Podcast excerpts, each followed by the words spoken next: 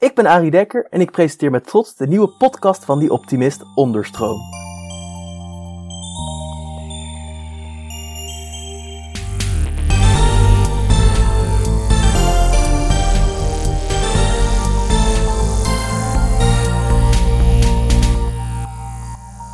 Als je nou alle uitgaves van het tijdschrift al hebt gelezen en er ook al weinig dailies overblijven, is Onderstroom zeker iets voor jou.